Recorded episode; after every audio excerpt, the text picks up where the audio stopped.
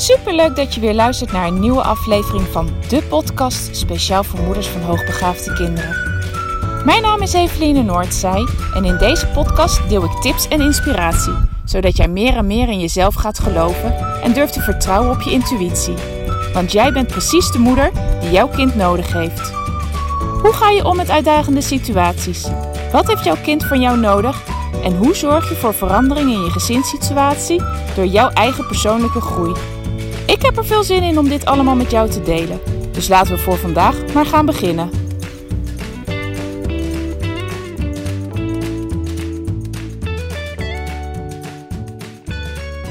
Goedemorgen, lieve luisteraar. Nou, een nieuwe dag en een nieuwe podcast. De laatste van deze week. Ik heb zo het idee dat de weken echt voorbij vliegen. Ik weet niet hoe het bij jullie staat, maar ongelooflijk. Voor mijn gevoel heb ik gisteren nog de podcast van vorige week opgenomen. Nou is het alweer opnieuw, opnieuw vrijdag. Gaat echt mega hard. Um, ja, vandaag wat ik met je wil delen. Ik heb het vanmorgen even uitgeschreven, want ik had een idee in mijn hoofd. En meestal wat ik in mijn hoofd heb, als ik dan zomaar ga praten, dan uh, denk ik achteraf: Oh, ik ben een heleboel vergeten te vertellen. Dat vind ik jammer. Dus deze keer heb ik het even genoteerd. Ik wil je meenemen in de drie inzichten die ik de afgelopen jaren heb opgedaan, heb meegekregen. In de opvoeding van mijn eigen HB-kids. Nou, en de eerste, het eerste inzicht wat ik opgedaan heb, ik, eigenlijk kwam ik daar vorig jaar. Ik, ik wist het wel onbewust, omdat het altijd iets is geweest waar ik mee te maken heb gehad toen ik in de zorg voor mensen met een verstandelijke beperking werkte. Maar vorig jaar las ik een boek, misschien al twee jaar geleden. En daar stond iets, echt één alinea. En toen dacht ik, ja, maar dit is nou precies waarom het opvoeden van hoogbegaafde kinderen zo intens kan zijn. En nou ja, ik, het, het, was eerst onbewust, maar toen werd ik me er bewust van. En toen kon ik het ook beter onder woorden brengen naar andere ouders.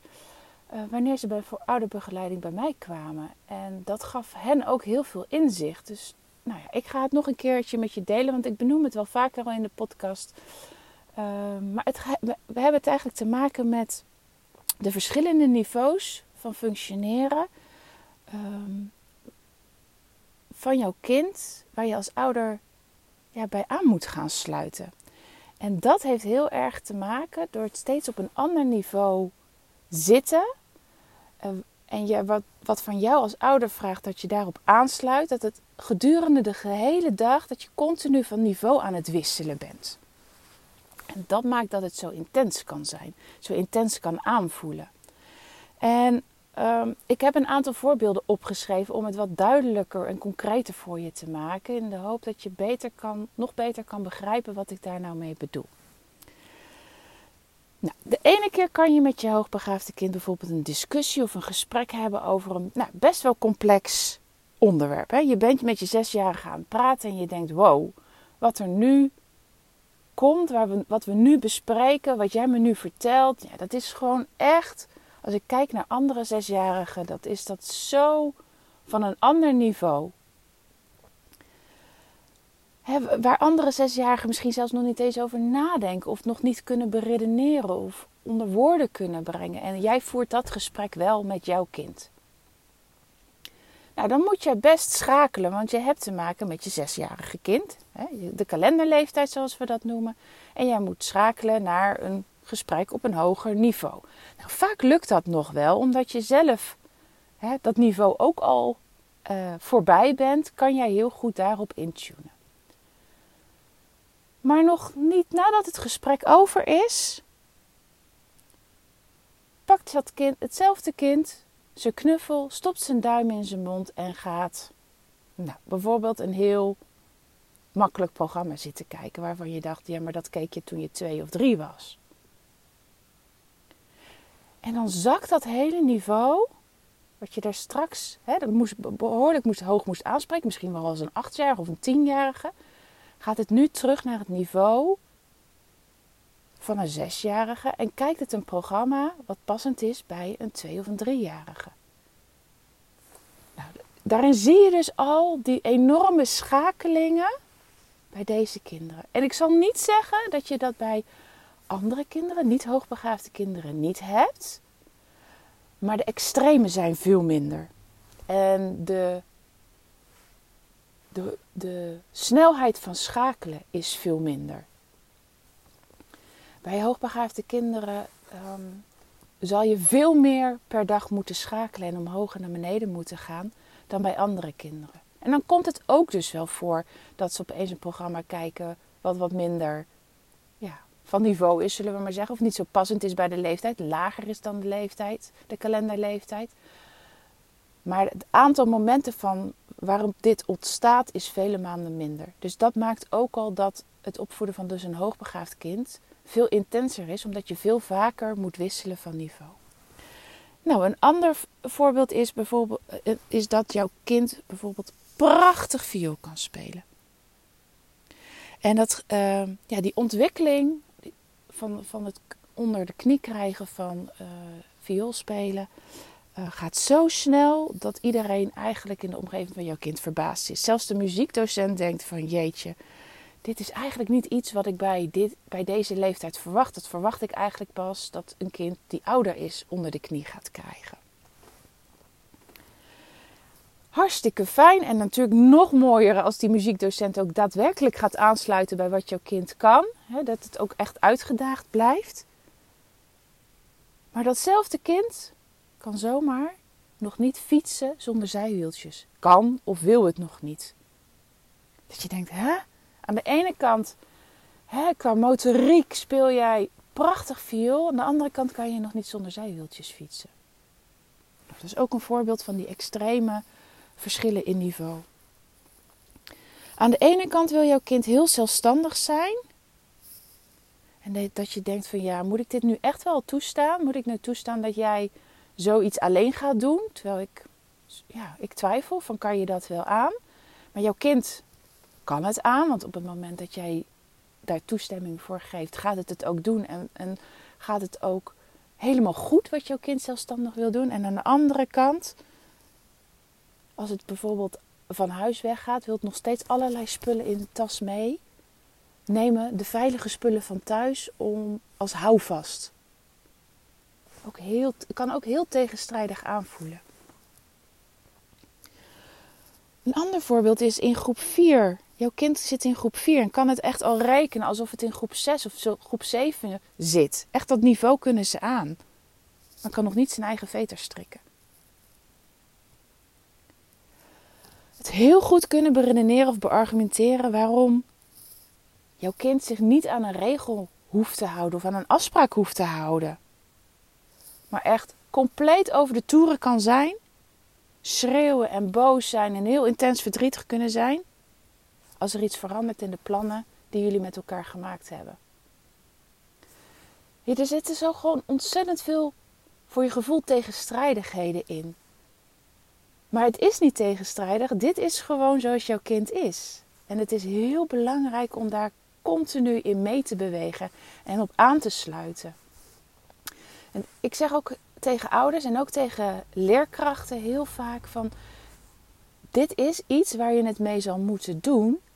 En ga alsjeblieft, want die vraag krijg ik ook wel eens van, ja, maar moeten we dan niet zorgen dat het kind even cognitief niet krijgt, zodat het een beetje op de andere niveaus kan bijtrekken? Nee, nee, absoluut niet doen, want daar doe je het kind mee tekort. Dit is gewoon zoals het kind is. Dus ga alsjeblieft niet verschillende niveaus gelijk proberen te trekken, want dat gaat niet lukken. En dan maak je het kind eigenlijk alleen maar ontzettend ongelukkig mee. Dus blijf aansluiten bij het niveau en dat continu wisselen. Ja, dat, dat is intens, dat maakt het gecompliceerd.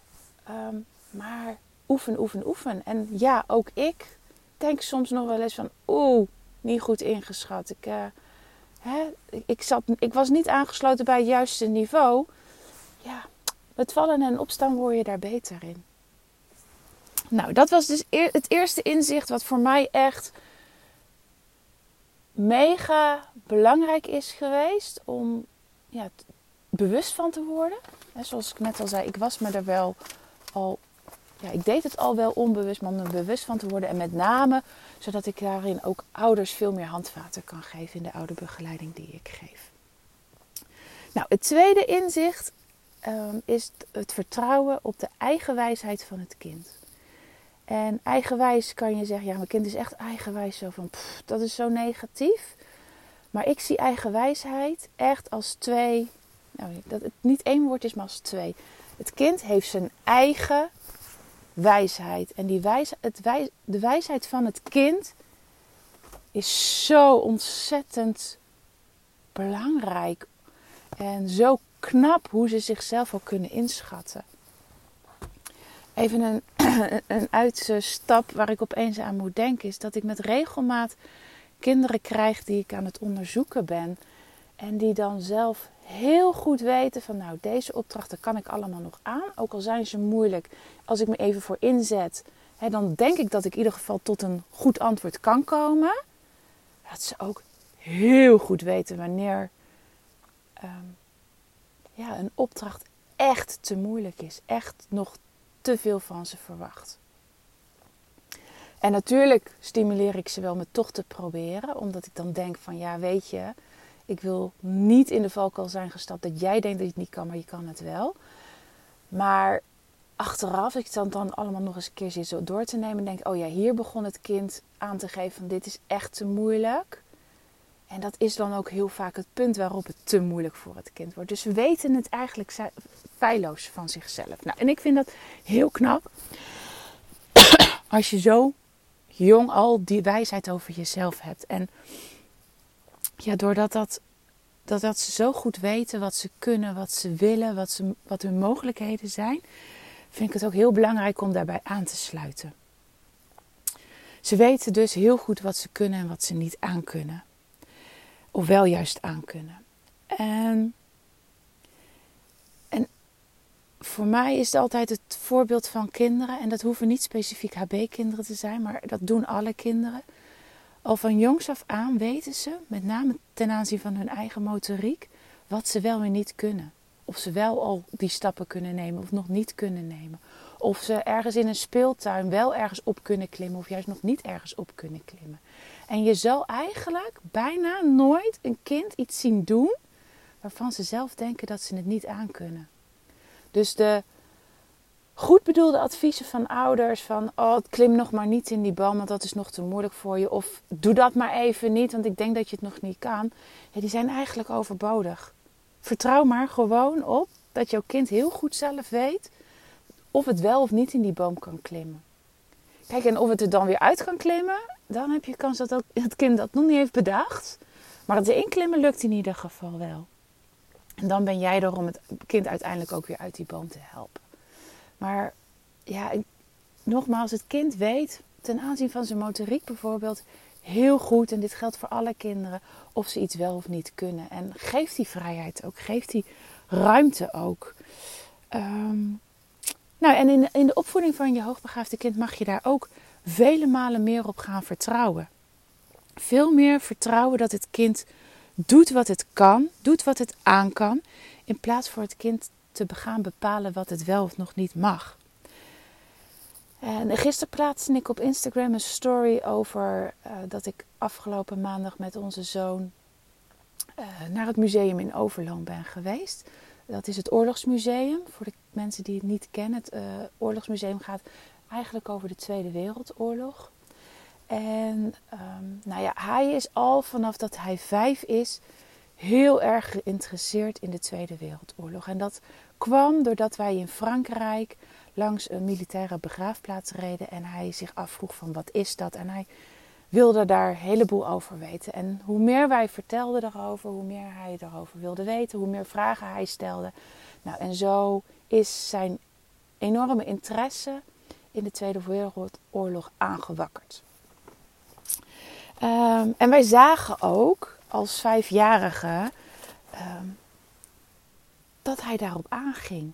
En we hadden natuurlijk kunnen zeggen: ja, daar ben je echt nog te jong voor. Dat is nog zo heftig en ja, misschien niet te begrijpen wat er toen is gebeurd. En daar hebben wij heel bewust niet voor gekozen, omdat aan de ene kant die interesse vanuit zichzelf kwam. Aan de andere kant, we zagen dat hij erop aanging. Nou, dat was een hele verademing met het hele schooljaar daarvoor, waarop hij echt uh, op uit heeft gestaan. Dus wij waren alleen maar blij om te zien dat hij weer ergens op, van op aanging. En daarbij hebben we ook altijd ervoor gekozen om aan te sluiten bij de vragen die hij stelde. Dus wij zijn niet zomaar informatie gaan geven.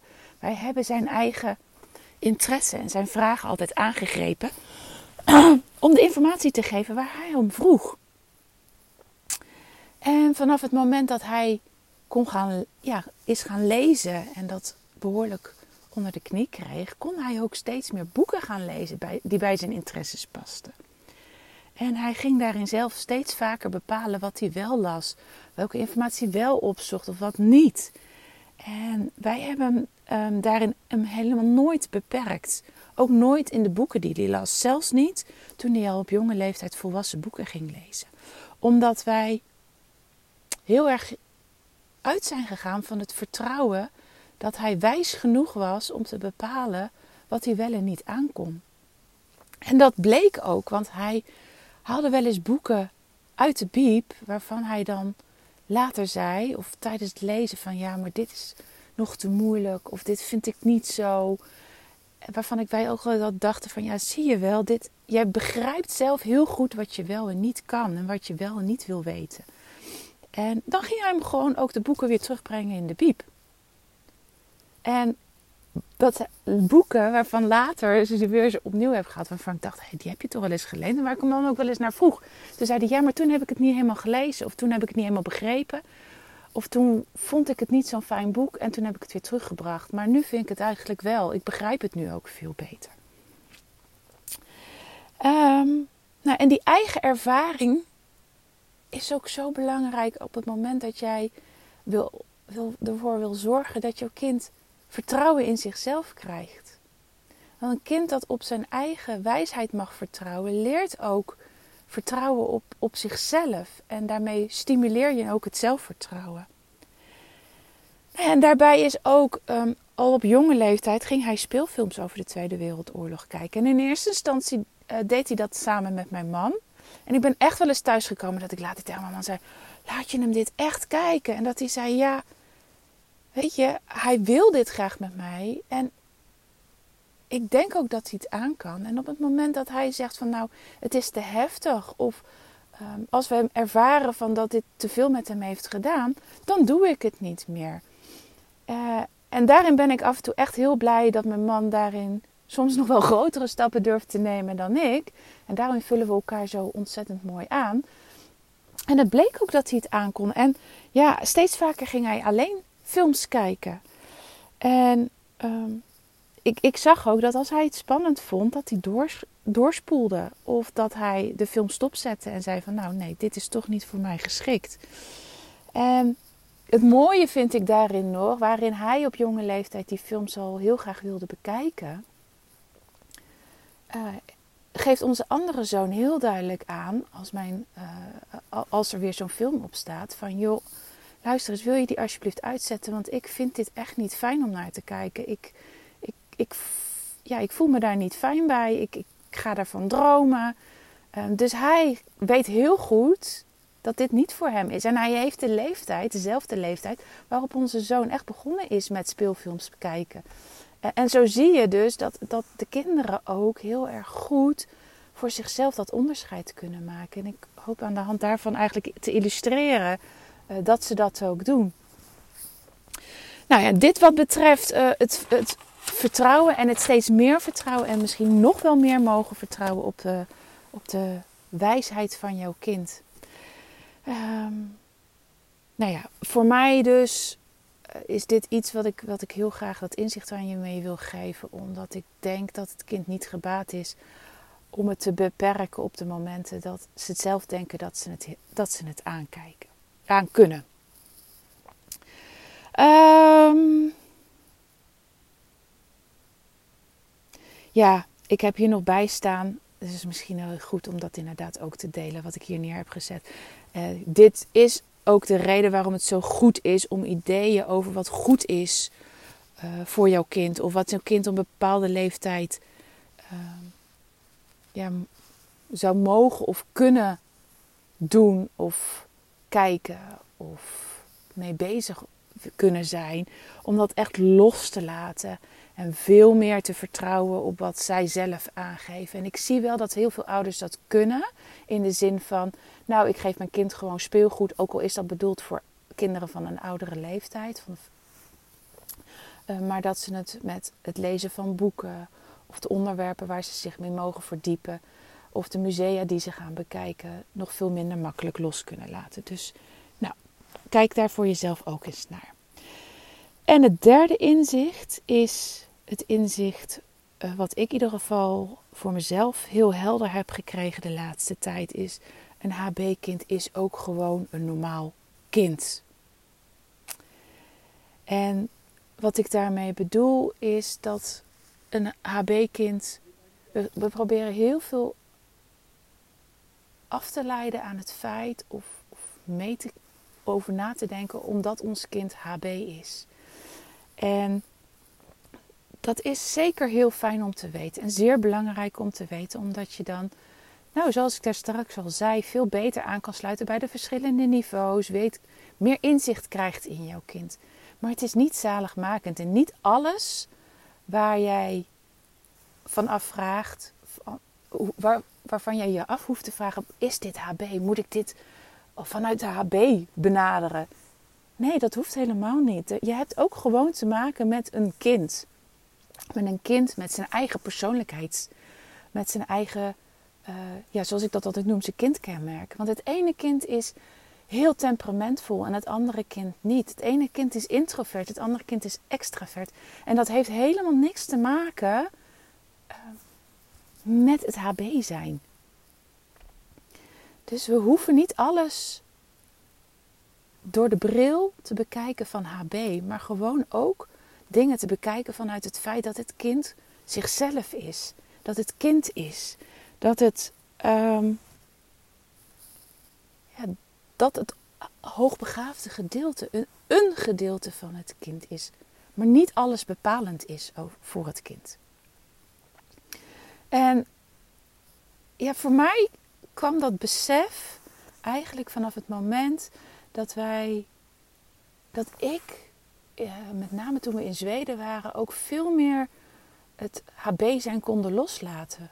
We werden daar niet meer door, de hele tijd door uh, beïnvloed. Het speelde een veel minder grote rol in ons leven toen onze kinderen niet meer naar school gingen.